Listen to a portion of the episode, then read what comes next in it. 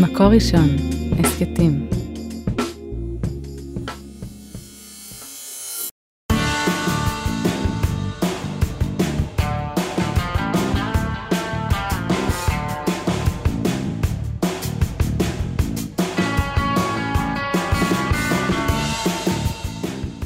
שלום לכל מאזיני מקור ראשון, אני גלי, ואני אודליה. ואתם על פרק נוסף של הגיקית והפסיכית במקור ראשון.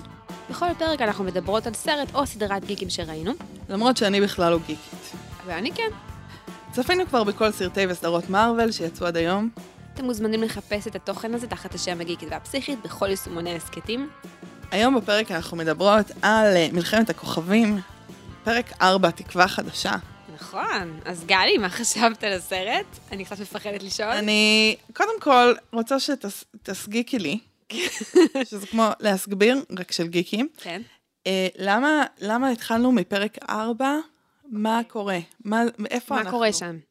אוקיי, קודם כל זה הסרט הראשון שיצא. ו... הוא אה, נקרא אז פרק 4? ג'ורג' לוקאס הוא בן אדם שיש לו הרבה שאפתנות ומגלומניות אולי, לא, לא יכול להיות. לא יכול להיות. והוא פשוט התחיל לספר את הסיפור מפרק 4. אה, אני הוא חוש- אמר שזה פרק 4 כן, מההתחלה? כן, כן.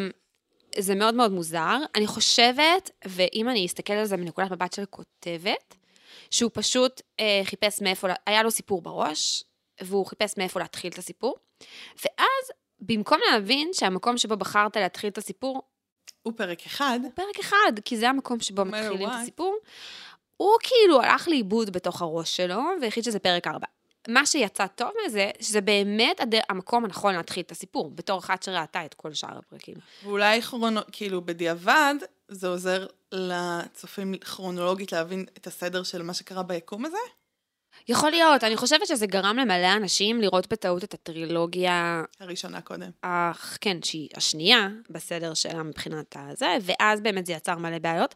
את עדיין אה, לא ראית אף אחד מהסרטים, נכון? חוץ מהסרט הזה. נכון. צריך לציין את זה, אולי יש צריך אנשים שלא לציין מבינים. את זה, אנחנו חוזרים לסיטואציה שבה אודליה יודעת מה היא עושה ואני לא. כן, לא רק יודעת מה היא עושה, אני חושבת שראיתי את הסרט הזה אה, כל כך הרבה פעמים בתור ילדה? שאני לא יודעת לספור כמה? פעמים. אה, הסיפור הוא שאבא שלי לקח אותנו לסרט בקולנוע, אבל אז נגמרו הכרטיסים, ואז בתור פיצוי הוא פשוט נסע לחנות של וידאוים כזה, של קלטות וידאו, כאלה של פעם פעם. היה... למאזינים הצעירים, אה, לא, אתם לא תבינו. כן, אוקיי. עזבו. אמ, אתם לא תבינו גם את הסיטואציה שבה בטעות אפשר להקליט לכם על, ה, על הסרט ואז שלכם. את לא יודעת מה מה כן. להחזיר לספרי. אה, כן, אנחנו נדבר על זה אולי כשנגיע לאימפריה מכה שנית, שזה הסרט הבא, שהתקלקלה לנו הקלטת, ולכן ראיתי אותו הכי פחות פעמים בטרילוגיה, אבל אה, את הסרט הזה לא התקלקלה הקלטת, ופשוט אבא שלי קנה לנו את, אה, את הטרילוגיה בקלטות וידאו, ופשוט ראינו את זה בתור ילדים. ברצף היינו רואים 1, 2, 3, 1, 2, 3, עד שהתקלקלה זה, ואז היינו רואים 1 ו-3 ברצף. אמ, ולכן אני הרגשתי כשהתחלתי לראות את הסרט, שאני מרגישה כאילו אני חוזרת לשכונת הילדות שלי כזה, ואז לא משנה מה יש שם, יש לזה מין קטע נוסטלגי כזה, ואז לא משנה אם זה טוב ואם זה רע, אין כבר דרך חזרה. כאילו, אני יודעת בעל פה את הסרט, אני יודעת לצטט אותו, אין לי שום דרך לשפוט אם זה טוב, אם נהנים מזה, אני כאילו, זה, זה כאילו, זה חלק מה-DNA כן, שלך. זה כבר מוכר לי בכל כך הרבה רמות. זה אה, כמו שאנחנו הרבה פעמים לא יודעים להגיד על ההורים שלנו, נגיד, כן. אם הם יפים או לא. בדיוק, או, מה זאת אומרת, זה אימא שלי, זה הפרצוף. בדיוק, או נגיד הרגע הזה שגיליתי שאבא שלי יש מבטא. פשוט לא, לא שמתי לב לזה אף פעם. שאני בכיתה ח', אה, היה לנו, אנקדוטה לא רלוונטית, אה, היה לנו אה, ערב שורשים, והעלינו הצגה, ובגלל שהייתי ילדה אשכנזייה היחידה בשכבה, אז אני, נתנו לי לשחק את הרוסיה. לא בגלל שאת קשורה לרוסיה? כן, אבל גם כאילו, כי הייתי כי היחידה. לא היה אף אחד. לא היה עוד... לא, לא היה, למדתי בעפולה. ו... וזה היה טעות, כי כל שאר הילדות בכיתה ידעו ל... ל... לחכות מבטא רוסי יותר טוב ממני, כי מבחינתי, כאילו, זה לא משהו שיכלתי לשים עליו את האצבע מרוב כן. שגדלתי, כן, כאילו, אז, אז אני כזאת. ככה גם עם אבא שלי, שיש לו מבטא של ארגנטינה, כי הוא בא מארגנטינה, ידינה.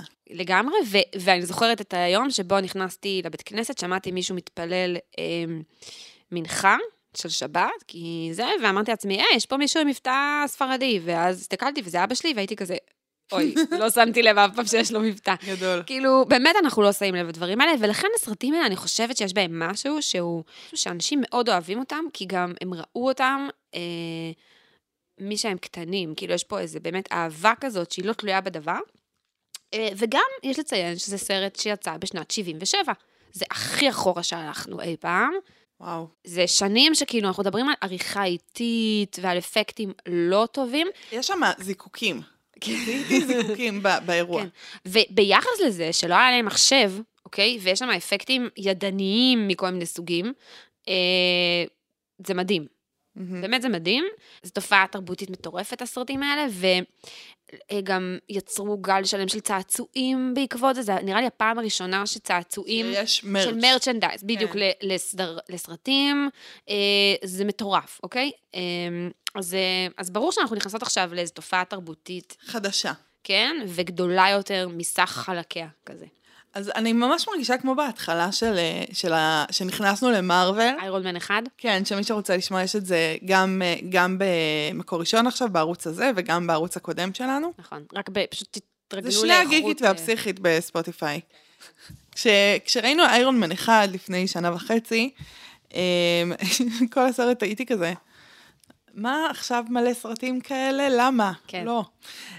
ואני חווה פה משהו דומה, שקודם כל, זה מאוד מסקרן אותי, כי כבר הרבה זמן אני צופה בתוכן גיקי אחר שאני שולטת בו, וכאילו ממש בתוך, ה, בתוך ה, ה, הדיבור, ואני מתקנת אנשים על מארוול, ואני יודעת אה, פרטים.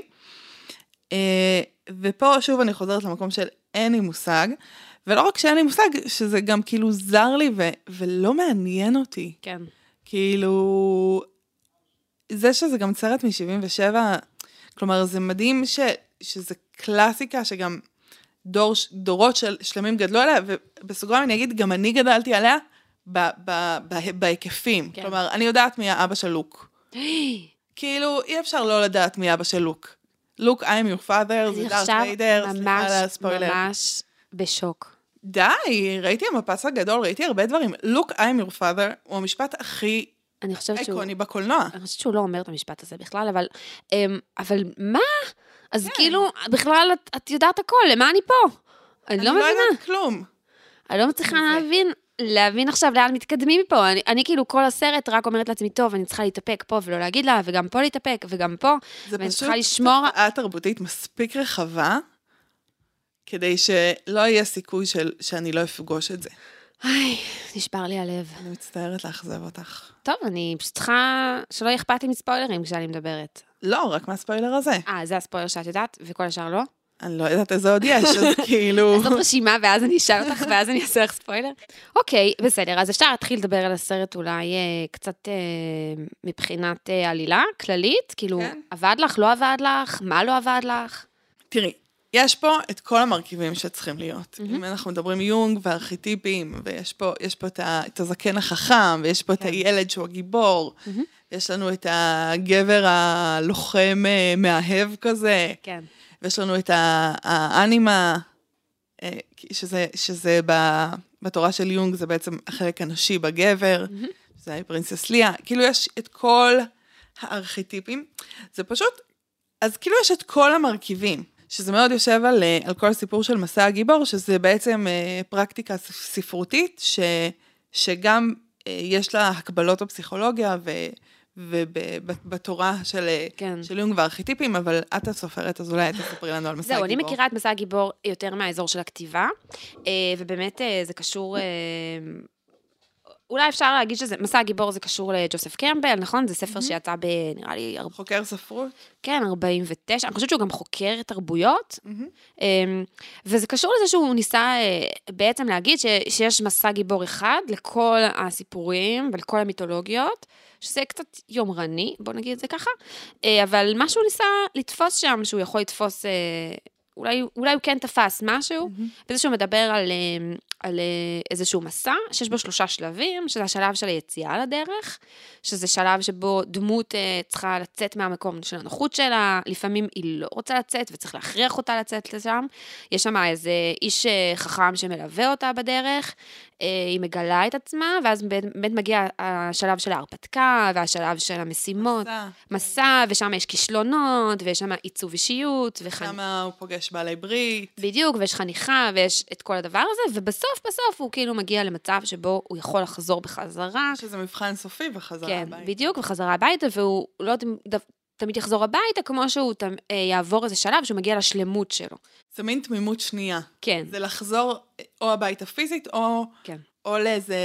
אה, דרגה נעלה כזאת. דרגה נעלה של היות עצמי כן. בשלמות. כן, וזה זה דרך מאוד נוחה לדבר על סיפורים, גם על סיפורי תנ"ך, אבל גם על סיפורים אה, אחרים, וסיפורי חניכה הרבה פעמים מדברים ב- במושג הזה. הדרך הכי טובה. להדגים את זה, זה לקחת את הסיפור באמת של מלחמת הכוכבים, ולהגיד, יש פה אה, נער שמגלה שהוא אה, יותר מיוחד ממה שהוא חשב, בעזרת איש מבוגר שמלווה אותו. הוא נקרא למסע, בהתחלה הוא אומר לא, אבל אז הוא מבין שהוא צריך לצאת אליו. כן, יוצא, ואז בסוף, ו- ובסוף אנחנו יכולים להגיד, אוקיי, זה גם נשמע קצת כמו נגיד הארי פוטר, זה בסדר? נשמע כמו מלך האריות, זה נשמע כאילו- כמו הרבה דברים. בדיוק, זה נשמע כמו הרבה דברים, ופחות או יותר זה המסע הגיבור. וג'ורג' לוקאס כתב את הסרט, את כל השלושה סרטים, לפי מסע הגיבור. הוא לא מתבייש להגיד את זה. אז, זה... אז זה קצת ניכר, ובעיניי זה קצת מצמצם. כן. כלומר, יש משהו בלכתחילה לעבוד מתוך תבנית מהמם. שהוא אה, צפוי. כלומר, כשכותבים בדרכים אחרות, גם אם בסוף נגיע לתבנית הזאת, אנחנו נגיע אליה, אנחנו נעשה אליה איזה דרך אה, יצירתית. דרך אגב, בקשר למה שאמרת, אני מרגישה שהסיפורים שנכנסים הכי פחות טוב למסע גיבור, הם סיפורי תנ"ך. השאלה איזה. אני חושבת שהסיפורים נגיד של משה רבנו ואברהם, אולי כן יכולים. גם משה רבנו מהמם. נכנס פחות יפה ממלך האריות או הארי פוטר. אה, ברור, גם, ברור, וגם ישו נכנס הרבה יותר טוב. כאילו, ברור שסיפורים שהם יותר אה, עתיקים, עמוקים, ואולי גם באמת יותר מספרים מציאות כלשהי. וגם לא קשורים לתרבות המערבית. התרבות המערבית לגמרי מדברת אה, במונחים האלה. גם קמפל מדבר ממש על, על התהום והשפל הגדול שהדמות מגיעה אליה, כשהדוגמאות שהוא אומר זה שהרבה פעמים זה מוות, ממש מוות אמיתי. מוות וחזרה לחיים. חזרה לחיים, שזה קלאסי אה, נצרות נכון. ותרבות מערבית. ותראו, גם הארי פוטר צריך כן. למות ולחזור, ו-. וזה קורה בהרבה מקומות. אמ, אז, אז יש פה איזו כפילות, כי מצד אחד, זה באמת עובד טוב בסרט. יש עלילה. ואולי בשנת 77, it was enough, זה היה מספיק. כן. אני מרגישה שלצופה היום, שזה מפגש ראשון שלה עם הדבר הזה, כן. זה כמו שכשמלמדים פרויד, צריכים להדגיש שהוא חידש המון. כן. לפני זה אף אחד לא השתמש כן. במושג תת-מודע. ולא היה דבר כזה שמטפלים בבעיה על ידי לדבר עליה. חוץ מזה שהיה לו גם תיאוריות אה, לא, לא, לא הכי מדויקות, או מאוד מוטות, או כל מיני דברים כן. אחרים. ו, ואני מרגישה שכאילו, אני כל הזמן הייתי צריכה בסרט להזכיר לעצמי, שעוד לא יצאו דברים שהיום הם עובדים יותר טוב, עלילתית ויותר מורכבים. הדמויות אומנם, אומנם יושבות בארכיטיפים, אבל הן כמעט בסטריאוטיפים, ולא בארכיטיפים. נכון. אה, אני אגיד לך משהו, אני ניסיתי מאוד מאוד לחשוב מה תחשבי על הסרט תוך כדי שראיתי אותו, ובאמת אני חושבת שעד הרגע שבו אה, האן סולו מגיע, זה מתקדם ברמה שהיא כאילו מאוד מאוד איטית, ואמרתי לעצמי, גם אני הייתי משתעממת אם הייתי רואה את זה בגיל מבוגר, כי זה פשוט זז נורא לאט. יש שם המון סצנות שהיו יכולות להיות הרבה יותר קצרות ולזוז מהר יותר. אפילו ברמה של הפתיח, שרואים את. אה, נכון, יש הכתוביות. טקסט כזה, כן. אז סיימנו לקרוא, אין צורך שהטקסט ימשיך לזוז באותה כן, כן, מהירות. נכון, תמרו את אבל-. נכון, וזה קלאסי פשוט עריכה ישנה, כאילו, אין מה לעשות עם זה כמעט. מה שעצבן אותי בסרט, מהמם. וכאילו באמת, תמיד או הפעם? לא, הפעם ספציפית, מה שעצבן אותי מאוד, זה שראיתי גרסה שבה ג'ורג' לוקאס הכניס בדיעבד כל מיני יצורים ב-CGI מושקע כזה של היום. וזה היה לי כל כך מעצבן. זה כאילו, לא, זה... כאילו, אני מבחינתי אמרתי, אבל זה לא היה שם. מה אתה מכניס לי, כאילו, דמויות שלא היו שם קודם? למה? כי, כי רצית לערוך את זה למה בדיעבד? קרב פיסטוק בסופגניה? שימו לנו כאילו- ריבת שאנחנו מכירים מהבית. אבל זה, זה לא הסיפור, זה הסיפור של אל תסמיד פנים, שהיו את האפקטים האלה פעם, כי אז שאר האפקטים נראים לא קשורים. כאילו, זה יוצר כאילו, זה קצת כמו שאת מציירת ציור, ואז פתאום את uh, שמה uh, איזה צבע לא קשור, ואז פתאום שאר הצבעים, הם, הם לא מדברים זה לא בשפה. בהרמוניה של מה שקורה כן. שם. אז כאילו מבחינתי, זה סרט ישן, והאפקטים שלו ישנים, ולמה אני רואה פתאום אפקטים חדשים? פתאום זה מדגיש כמה האפקטים הישנים ישנים. הם כאילו לגמרי. מוציאים אותי מה, מהמקום, וזה נורא עצבן אותי. חוץ מזה, היה לי גם ממש כיף. אני חייבת להגיד שמהרגע שבו הם מגיעים, הם מתחילים אה, לטוס עם האן סולו, ו- והכל שם, היה לי כיף, ממש כיף. אני אגיד שאת צודקת, ומאוד השתפרה לי החוויה ברגע שהאן סולו הגיע, כן, כי הוא פשוט מהמם. הוא הדמות האהובה עליי כרגע. ברור.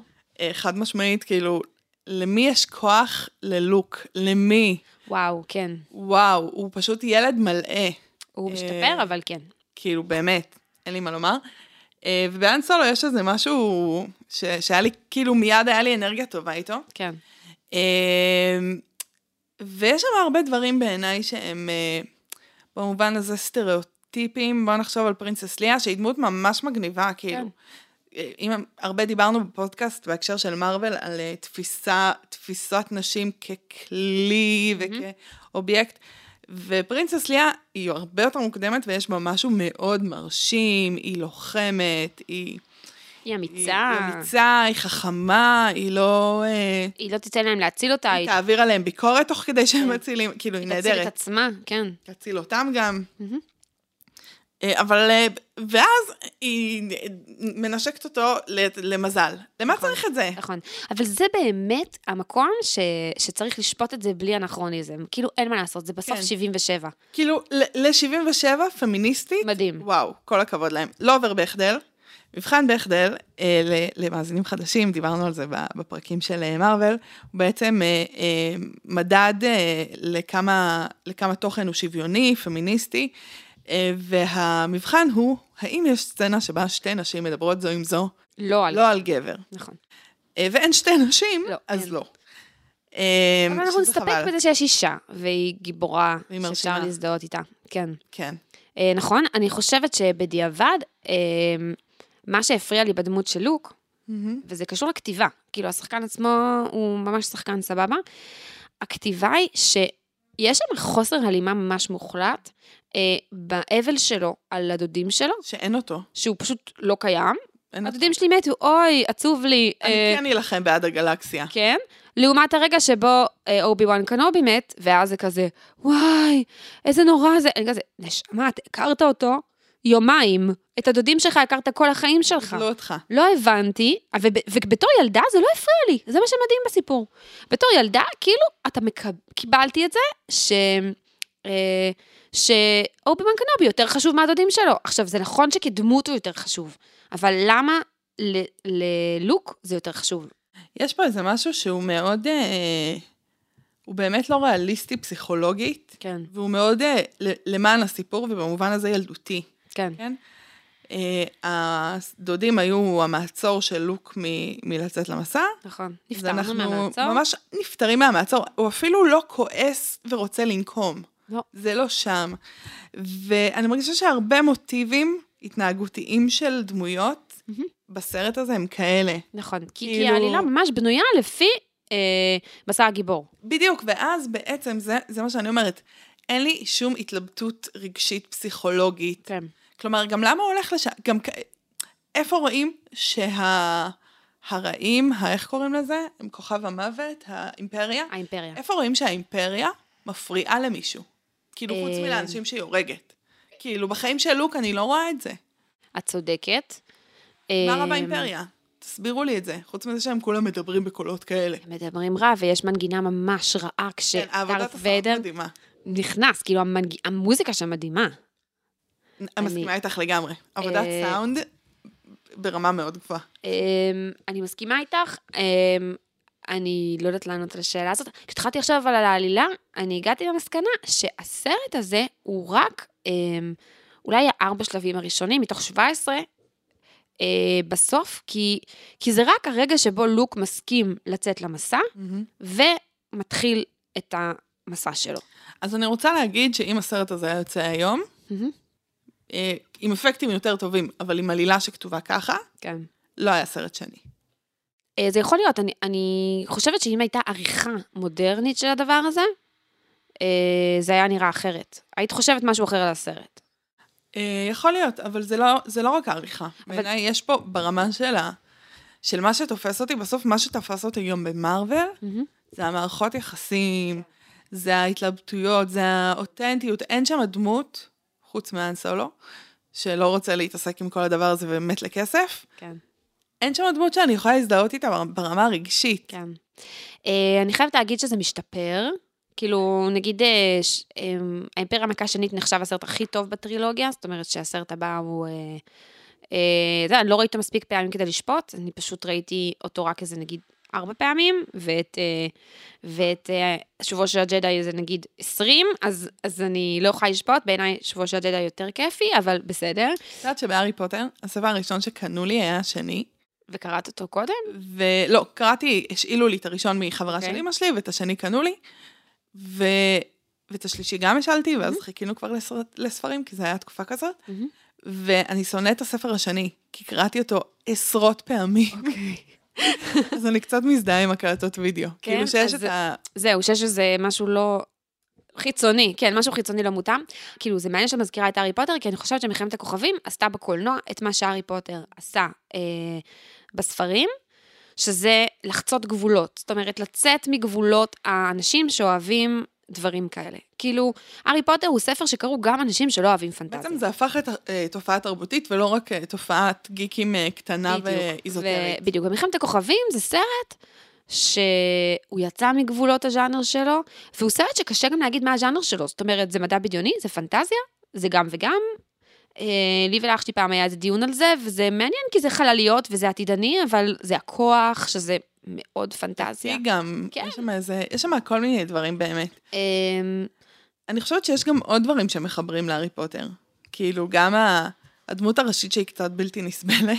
כאילו, הם קצת, הם קצת דומים, הם גדלו אצל, הד- הם יתומים, גדלו אצל כן. הדודים, אה, לא נתנו להם אה, להגיע לייעוד שלהם, כי פחדו מהמם. שהם יעשו כמו ההורים שלהם. כן, הם מאוד מרוכזים בעצמם, הם אלה שיצילו את המצב.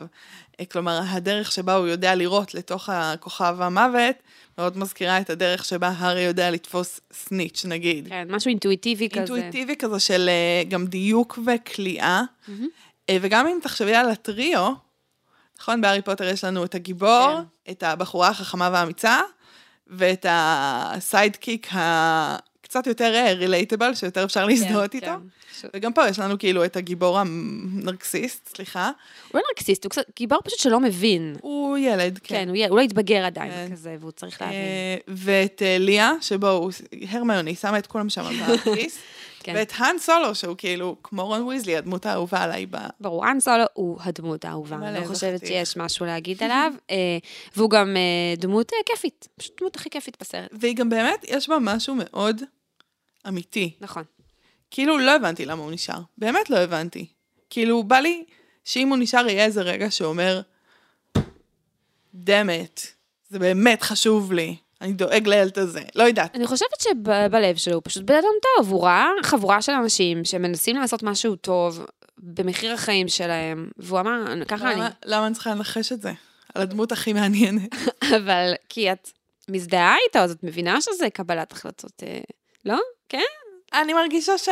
כן, שהיה חסר לך. אני מרגישה שבכל ההחלטות שאנשים שם עושים, וזה כזה חוזר, אנשים או לא אנשים, שניגע בזה גם עוד רגע, כן, אה, אני לא פוגשת מספיק את רגע הדילמה או את רגע ההחלטה. כן. כלומר, אולי זה סרט עלילתי טוב, אולי מסע הגיבור הוא יושב יפה, מהמם. חסר לי עומק בדמויות ברמה שזה לא מעניין אותי אני מסכימה כשהדמויות הן איתך, ככה. ואני חושבת שזה גם, לכן ממש טוב שג'ורג' לוקאס לא ביים וכתב את ההמשכים, הוא כזה מין אחראי על זה, כזה הפיק אותם, או כל מיני... אמר את העלילה בגדול. כן, בדיוק. אמ, זה הסרט היחיד שהוא גם כתב וגם הפיק. לדעתי כן, אם. אני זוכרת נכון, כן, משהו כזה, ומשם והלאה הוא קצת מרפא, ויש כל מיני בעלים אחרים, ותסריטאים שנכנסו שם לעניין, וזה טוב מאוד, אה, ובאמת הם יותר טובים. אה, יש קטע מעניין, אה, ב... כלומר, בחוויה הראשונית שלי, שהסצנות הראשונות הן של שני הרובוטים, ואז יש את, ואז יש את הסצנת בר, לא מיד, אבל כאילו בהמשך יש את הסצנת בר, ואז, כלומר, יש משהו קשה קצת בלהתחבר לסרט, שיש בו מלא יצורים שהם לא אנושיים. כאילו, זה היה לי איזה רגע כזה של, הם לא אנושיים, מה זה? איך אני יכולה להתחבר לזה? ואז אמרתי כזה, היה לי איזו מחשבה מוזרה, של כמה מעניין היה יכול להיות לחיות בעולם, שאין בו רק אנשים. כאילו, יש משהו ב... בסוף, בגזע... בגז... גזענות שלנו כלפי גזעים אחרים, שהיא קצת מותאמת בעולם שלנו, שבו אה, יצורים תבוניים הם רק בני אדם. ואנחנו עדיין לא מצליחים להכיל את זה שיש אנשים בצבעים שונים, נגיד. לגמרי, שנראים שונה, שמדברים כן. שונה. וזה היה יכול להיות מעניין אם חוץ מכלבים ודגים ו- וצמחים, היה גם איזה צורות מוזרות שהולכות ו- ובאות וחותמות לך על מסמכים בבנק, כי הן גם uh, תבוניות וגם uh, זה. אז זה גם היה לי, כאילו מין ש... גם על, על גזע וגם על העולם שאנחנו חיים בו, יש את הרגע המאוד מעניין, בכלל כל הסצנת בר, אולי הסצנה שהייתה לי הכי מעניינת, והכי אלימה, אה, שהם אומרים כזה, שהחייזרים אומרים, אל תיתנו להם להיכנס, כאלה לא נכנסים לפה. הם כזה מצביעים על הרובוטים. כן, שזה כאילו הגזענות של העולם שלהם, כן. היא לרובוטים, שאולי זה אפילו הגיוני, כי הם לא אנושיים, אבל אולי זה לא הגיוני, כי הם כן, כאילו זה העלה לי הרבה מחשבות, נכון. הסתבכתי עם עצמי עם זה קצת. כן. זה, אני חושבת שזה כן אה, באמת פתח את העולם. אני זוכרת שבתור ילדה זה היה לי מופלא. כאילו לראות חייזרים ורובוטים שמדברים, והרי זה, מה שמצחיק שם זה שנגיד אה, אה, R2D2 יותר חכם מ-C3PO בסוף. כאילו, הוא נראה כמו בן אדם, הוא נראה כמו איזה חבית, וכאילו, הוא מבין עניין והוא אידיוט, כאילו, אין פה... זה מצחיק, כי אנחנו מדברים על סרט שיצא לפני 50 שנה, כן, ומבחינתם זה היה science fiction רובוט שאתה כן, אומר לו שמדבר. שהוא ה butler שלך. וזה מצחיק, כי כאילו... נכון, היום זה סירי. סירי, זה בדיוק, זה בדיוק זה, זה נשמע. אותו דבר. נכון? שזה, זה, שאנחנו יכולים להגיד, אה, יש לחברים אה, גוגל הום, שאפשר לדבר איתו, ולהגיד לו להדליק את האור, ולהזיז את התריסים, וכל מיני דברים כאלה. ואז, כאילו, מדי פעם אנחנו משתעשעים איתו, ו... היי גוגל, I love you.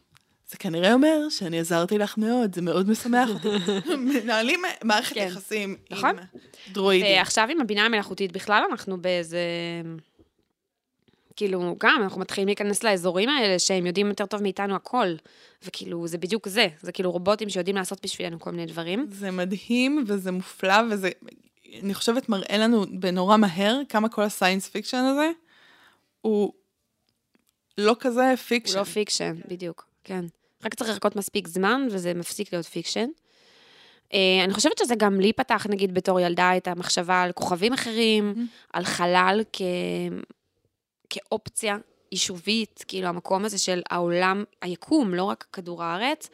Um, וזה גם, אני אגיד משהו עוד, אני חושבת שזה התאים מאוד ל-77, uh, והיום אולי קצת קשה לנו עם זה בגלל זה, זה שהטובים והרעים הם מאוד מאוד... Uh, מובחנים. כן. כאילו, הרעים הם, הם רעים מאוד, הטובים הם מאוד טובים, אין שם איזו מורכבות אה, של הדמויות, וזה משהו שבתור ילדה, נגיד, את קל מאוד להתחבר אליו. כן, הוא הרשע. ככה ילדים חושבים. כאילו, הוא מפחיד, תראי איך הוא נושם. יש לו את הנשימות האלה, כאילו, יש שם משהו מאוד... אלוהים דארט ויידר. ממש, ו... וזה מאוד חזק בתור ילדה, ולכן גם קל להתחבר לזה. אה, ויש שם גם משהו ויזואלי מאוד חזק. הוא הצליח לבנות שפה ויזואלית מאוד חזקה בתקציבים לא גבוהים ובאפקטים מעפנים כאלה של פעם. לגמרי. וזה דבר מאוד מרשים, כאילו כל החליפות של החיילים, וה... זהו, הם חיילים רובוטים כאלה, או שזה לא, פשוט הם חליפות? משובטים, אבל אני, האמת שכאן זה המקומות שבהם הגיקיות שלי מגיעה לקצה שלה, כי יש באמת תקופה שבה כולם היו משובטים, לדעתי בתקופה הזאת הם לא משובטים. אז נזמין את המאזינים שלנו, שרובם. גיקים וגיקיות מאיתנו, כן. ממני בוודאות. אה, וגם ממני. אולי לכתוב לנו בקבוצת הדיונים שלנו בגיקים והפסיכים, אם אתם יודעים על החיילים משובטים, הם לא משובטים, הם כן. רובוטים, מה, מה הסיפור שלהם. כן. אני חושבת שמה שאמרת על, ה, על הוויזואליה, נהיה הכי חזק בקרב בין אה, אובי וואן קנובי לדארט ויידר. כן. ויידר. אני כל כך גאה בעצמי שאני אומרת אובי וואן קנובי ואני יודעת מה זה אומר. אה, שזה גם, יש שם עוד איזה אלמנט שהיום נגיד היה קורה אחרת, של השחור מול הלבן. כן, האור מול החושך. ו... לגמרי. למרות שהחיילים, החיילי. סער הם לבנים. נכון, אבל הם גם קצת רובוטים. כאילו אין להם פנים, אין נכון, להם... אין להם פנים. נכון. אה, נכון. אה, אוקיי, אז אה, גם רציתי לספר סיפור שאני מכירה על, על הסרט הזה, ו, ולדעתי הוא מאוד משעשע, שזה סיפור על ג'ורג' לוקאס וסטיבן שפילברג, שהם היו חברים, וספילברג בדיוק עשה את אה, אה, מלחמת העולמות, אני חושבת. מה זה? ו- איזה לא משנה. סרט של ספילברג. אז ספילברג בדיוק עשה את אה, מפגשים מהסוג השלישי, אה, והוא בדיוק היה אחרי מלטעות, וזה היה כאילו משהו גדול כזה. סליחה. כן, וג'ורג' לוקאס את, עשה את אה, מלחמת הכוכבים, והוא הרגיש שהוא עושה סרט שלא יצליח, ואף אחד לא יראה אותו, ושזה לא פייר, כי סטיבן ספילברג בדיוק עושה את אה, סרט, את מפגשים מהסוג השלישי, וזה הולך להיות להיט, והוא אכל אותה. וספילברג ניסה לעודד אותו. והוא אמר לו, תקשיב, הסרט שלך יצליח ויהיה טוב וזה, אבל את יודעת, אנשים אמריקאים, הם לא סתם מעודדים אחד את השני. צריך להיות מעורב בזה כסף, אוקיי? אז מה שהם עשו, הם אמרו, אתה תיתן לי אה, אחוזים בסרט שלך, ואני אתן לך אחוזים מהסרט שלי. וזה מה שהם עשו, הם חתמו חוזה, ונתנו אחד לשני 2.5 אחוז מהרווחים. עכשיו, ספילברג, אה, זה הקטע, שספילברג הוציא את הסרט שלו, ובסרט שלו הוא הרוויח טונות כסף, ולוקאס קיבל על זה 10 מיליון דולר, והוא היה מאושר, אוקיי? על, על זה שהחבר שלו פרגן לו ככה. עד ש... מה שקרה זה שמח... שמלחמת הכוכבים אה, הרוויח אה, יותר.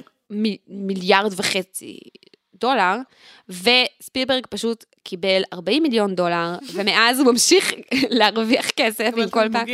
תמלוגים. של, ה... של הטרילוגיה הזאת, ו... וזה מטורף. זה וואו. מטורף שהם התערבו, כשהם החליפו כסף אחד עם השני, דרך אגב, זה מטורף, אני לא יודעת, כאילו, אמריקאים, הכל בסוף מגיע לכסף, כן. כן? אבל זה סיפור מטורף, כי זה אומר בעצם שכאילו, מלחמת הכוכבים הפתיע את כולם. הוא לא היה הדבר שחשבו שיצליח. ואני חושבת שמשהו בילדיות שלו, קצת בוסריות, אבל בזה שזה פשוט, זו עלילה פשוטה. מאוד פשוטה. אה, ויכול להיות שיש אנשים שקצת קשה להם שהעלילות הן יותר מורכבות, בטח ב-77, שהם לא התרגלו. כן. אמ, ויש בו משהו תמים כזה, שכנראה אנשים רצו אותו. צריך לזכור שזה באמת, זה השנה שכאילו נראה לי בגין עלה לשלטון, נכון? כאילו, אנחנו מדברים על... זה מזמן. פעם, זה פעם הדבר הזה. זה גם מעניין, כי זה באמת השנים של המלחמה הקרה. נכון. ו... ובהחלט אפשר, אם אנחנו מדברים על אימפריה, על כוכב אחד שמשתלט על כוכבים אחרים, רעים וטובים, רעים מוחלטים. וטובים, אה, כלומר, יש משהו מאוד סובייטי בכוכב המוות הזה. כן, אנחנו נכניס, אנחנו בעצם אימפריה של המון אנשים מתחת לכנפינו, כן. שאנחנו לא דואגים להישרדותם, אנחנו נפציץ אותם, אם כן. זה יגרום לנו ל- ל- ל- להיראות יותר חזקים. אה, וכלומר, במובן הזה יש, יש בזה משהו מאוד אמריקאי אה, מעניין. אה, של שנות ה-70, כן. ולוק כזה, ה- הוא, הוא ממש אול אמריקן כזה. כן, עם הבלונד וה... עם הבלונד והעיניים והתמימות וה... וה... והילדיות. כלומר, הוא האיש הקטן שנלחם נגד האימפריה הגדולה מהמם. וה... כן. אה, וההרסנית הזאת בעצם. נכון. אה, זהו, אני חושבת, ש... אני חושבת שסך הכל זה פתיחה לטרילוגיה שהיא אה, באמת מהפכה תרבותית, אבל באמת הסרט הראשון הוא כאילו באמת פחות, אה, פחות מוצלח, כאילו. יש לי תקווה שזה יהיה. לי חוויה דומה למה שהיה לי עם, עם הטרילוגיה של איירון מן, אוקיי. שבסרט הראשון, את זוכרת? הייתי כזה, מה זה האיש הנרקסיסט? מה זה כן, כן, כן. הגבר? אני עדיין חושבת? שהוא נרקסיסט בלתי נסבל, אבל אני כן. גם חושבת שהוא נרקסיסט, הוא פשוט אה, נרקסיסט שעושה עבודה, והוא כן נסבל בעיניי. אוקיי. אבל אה, בהחלט, הש... כאילו, כלומר, בין הסרטים היה מהלך. העניין הוא שפה המהלך הוא לא של דמות, נכון, הוא מהלך של עלילה. של היוצרים. של חושבת העלילה, של בניית הדמויות, של כל הדברים אני חושבת שזה מה שקורה כשכותבים תסריט שהוא מונע עלילה. אה, ברגע שמשהו מונע עלילה, הדמויות הולכות לאיבוד. זה לא רק מונע עלילה, זה מונע עלילה, והעלילה יושבת על סכמה. כן. וב... כלומר, זה נורא מעניין בהקשר של ארכיטיפים שאני מאוד אוהבת, מהמם. כמה קל אה, לטעות בין ארכיטיפים לאוסטריאוטיפים. כלומר, גם מסע הגיבור הוא מסע ארכיטיפי. כלומר, יש לו שלבים, אבל הם נראים אחרת, זה כל כך אינדיבידואלי, הם לא יכולים כן. להיראות בול בסכמה, כי אז זה, זה כמו בובה של בן אדם ולא בן אדם. כן. זה רק המבנה. אה, זה כאילו, הסטריאוטיפי זה המקום המצומצם, זה המקום שאין בו תנועה וחופש ויצירתיות. נגיד, אם אני חושבת על, אה, לא יודעת, אימא סטריאוטיפית, נכון? אז היא חמה ומאכילה וזה. ורוב האימהות הן יותר מורכבות מזה. נכון. וכדי לבנות דמות, כאילו, כדי לבנות משהו שהוא מורכב, צריך לצאת מהסטריאוטיפ וללכת אל, ה, אל הארכיטיפ, אל החיים העצמאיים של הדבר הזה. נכון. גם בסוף, וזה מה שאני הכי אוהבת, בנגיד מסע הגיבור, בסוף מסע הגיבור יהיה שם. אם יש גיבור והוא עובר מסע, נכון. יש שם את מסע הגיבור, גם אם לא נכוון אליו. נכון. כי ככה הנפש שלנו עובדת. כלומר, נגיד השלב הזה של ההתחלה של הקריאה למסע מהמם. וסירוב, ואז הסכמה, זה קורה לנו כל הזמן כשאנחנו מתבקשים לצאת מאזור הנוחות שלנו. פעם הציעו לי איזו עבודה שהייתה בעיניי דאז מאוד מעל ל- ליכולות שלי, והייתי כזה, לא. ואז אחרי איזה חצי שעה הייתי כזה, רגע, אני יכולה לשמוע את ההצעה. כן. אולי כן. ואנחנו עובדים ככה, ולכן, ולכן מסע הגיבור הוא מסע הגיבור. ככה זה אמור להיות, מהפנימה החוצה. לא, כן. כן. לא הפוך. אה, נכון, ותכלס, אה, אני חושבת שהדבר שהכי משמח אותי בזה שאנחנו עושות עכשיו את הטרילוגיה הזאת, אה, זה גם אפשרות שלי לחזור לסרטים האלה ולהסתכל עליהם פתאום בעיניים בוגרות, אה, וגם אני כאילו מרגישה שאני אוספת אה, רגעים כאלה שבהם את אה, נחשפת לכל מיני דברים שהם תרבותית אה, מאוד משמעותיים. וכאילו בא לי אחר כך כזה לעשות לך רשימה של אה, דברים ולראות אם ראית אותם, שהם כאילו מרפררים לקטעים משם. כאילו, את מבינה? כאילו, אני אומרת לעצמי, רגע, ובמפץ הגדול היו סצנות שבטח כאילו... זה, ואת מבינה? וברור אבל שהקטעי מידע שיש לי הם כן. ממקומות כאלה. נכון. כאילו, בא לי נגיד להגיד לך, תקשיבי, יש אה, דיון כזה שלם באינטרנט על מי ירה קודם, האן סולו או החייזר שבא להרוג אותו, אוקיי? בסצנה של הבר הזה, כן. אוקיי? ויש איזה דיונים שלמים והתפתחויות מטורפות על, על הסרט החדש, והעיבוד, ולדעתי פה בגרסה שאני ראיתי זה גרסה אחרת, שבה הם יורים ביחד, כשפעם הוא ירה קודם, ו, וכאילו התפתחויות תרבותיות שלמות על, על זה שזה לא בסדר שהאן סולו ירה קודם, כאילו, כי אז... שמאלני. כי, בדיוק, כאילו, את מבינה? אז נגיד כל מיני דיונים כאלה שהם כאילו מתקיימים בעולם, ו... אבל ברור שהאן סולו הוא ימני עם... אה, יש לו תמיד נשק עליו, ואף אחד לא יגנוב לו את הכבשים מהחווה. כאילו, סליחה. את מתכוונת שהוא רפובליקני? כן. אני לא יודעת אם את... אה, וגם, שהוא עכשיו. חתיך. זה לא קשור. אבל, אה, אבל את מבינה, כאילו, יש כל מיני, פתאום, דברים כאלה שהם אה, קיימים ב- כן. בסרט, וכאילו, אני חושבת שנגיד פרינסס ליה זה דמות כזאת ממש. כן, כאילו, התסרוקת כי הכרתי שלה. את התסרוקת והכרתי את הזה. ויש את הסצנה האחרונה שהיא עם תסרוקת אחרת, ועם- נכון. גם עם שמלה לבנה, ואני- והם הולכים, ואני כזה, היא מתחתנת? איזה קטע, לא, אף היא פעם לא חשבתי על זה. אף פעם לא חשבתי על זה. ממש צחקתי על עצמי של איזה קיצ'ית אני, ואיזה סרטים אני רואה, שכזה... שאת חושבת שזה נגמר סצנת בחתונה. סיום, היא בשמלה לבנה, אני? לא חשבתי על זה, את יודעת, אבל עם מי היא מתחתנת? הם שניהם הולכים אליה, היא תבחר? תקשיבי, זה משולש אהבה, שאני אני בהחלט אה, אשמח לראות ממנו. כאילו באמת, כי יש פה פוטנציאל למשהו מעניין. לדילמה כן. אה, שהיא תרבותית. בין ה, הילד התמים והאידיאליסט אוקיי. והיפיוף, לגבר המחוספס, הפסימי, קצת אלים. אמ, וזה דילמה שמעניין אותי לצלול אליה, יש לי תחושה שכאילו לוק מנצח בלי, בלי בעיות, וזה מבאס אותי, אבל בסדר. וגם, מה תפקידו של אה, צ'ובאקה בכל הסיפור הזה? לייבב, כמו אה, חתול מיוחם. אה, בסדר. הוא מדבר? כי זה לא חמוד, זה לא I am Groot, זה לא חמוד. אה, לא, הוא לא דמות חמודה, הוא דמות... אה, דוב מערות. אני חושבת שהוא דמות שבאה להראות שיש חייזרים, וכל אחד נראה אחרת. וגם אולי להראות איזה צד של האן סולו, כן, חברי. חברי עם דמויות שהן דוביות. כלומר, עם, אה, עם החייתיות. כן. הוא מסתדר עם החייתיות, הוא לא נבהל ממנה. כן. זה חלק מהגבריות שלו. יכול להיות. מעניין. טוב, אז uh, הסרט הבא שלנו יהיה... Uh, פרק שמונה. הכוכבים. כן, מלחמת הכוכבים מהאימפריה מכה שנית. אוקיי. Um, יתקע אותנו שנית, זה סרט טוב לדעתי. אמרתי לך, ראיתי אותו רק ארבע פעמים בערך, אבל הוא סרט טוב. בגלל זה נראה לך סתם. אה, נראה, אני מקווה. אני מקווה, גם אני, אני לא ראיתי אותו המון שנים, ואני ממש מקווה שהוא לא... יש לזה, יש אנשים שטוענים שיש דבר כזה פיית הבלכס, שזה... אה, מה קורה כשאת קוראת ספר שקראת בתור ילדה ומגלה שכאילו... שהוא גרוע. שהוא גרוע. אז אה, כן. אז אני ממש מקווה שלא נגלה שהוא גרוע, כי אני זוכרת אותו כסרט טוב. תודה רבה לכם המאזינים. מוזמנים לעקוב אחרי דף הפייסבוק של הגיקית והפסיכית, וקבוצת הדיונים שנקראת הגיקים והפסיכים, תודה לאוהד רובינשטיין על ההקלטה והסאונד, וליהודית טל ועדי שלם רבינוביץ' על ההפקה. ולכל מי שסייע בעריכת הפרק הזה. את הפרק הזה, כמו גם שאר פרקי הסדרה והסכתים רבים נוספים, תוכלו למצוא באתר מקור ראשון, בערוץ ההסכתים, בספוטיפיי, באפל מיוזיק וגם בגוגל. נשתמע בפרק הבא. ביי.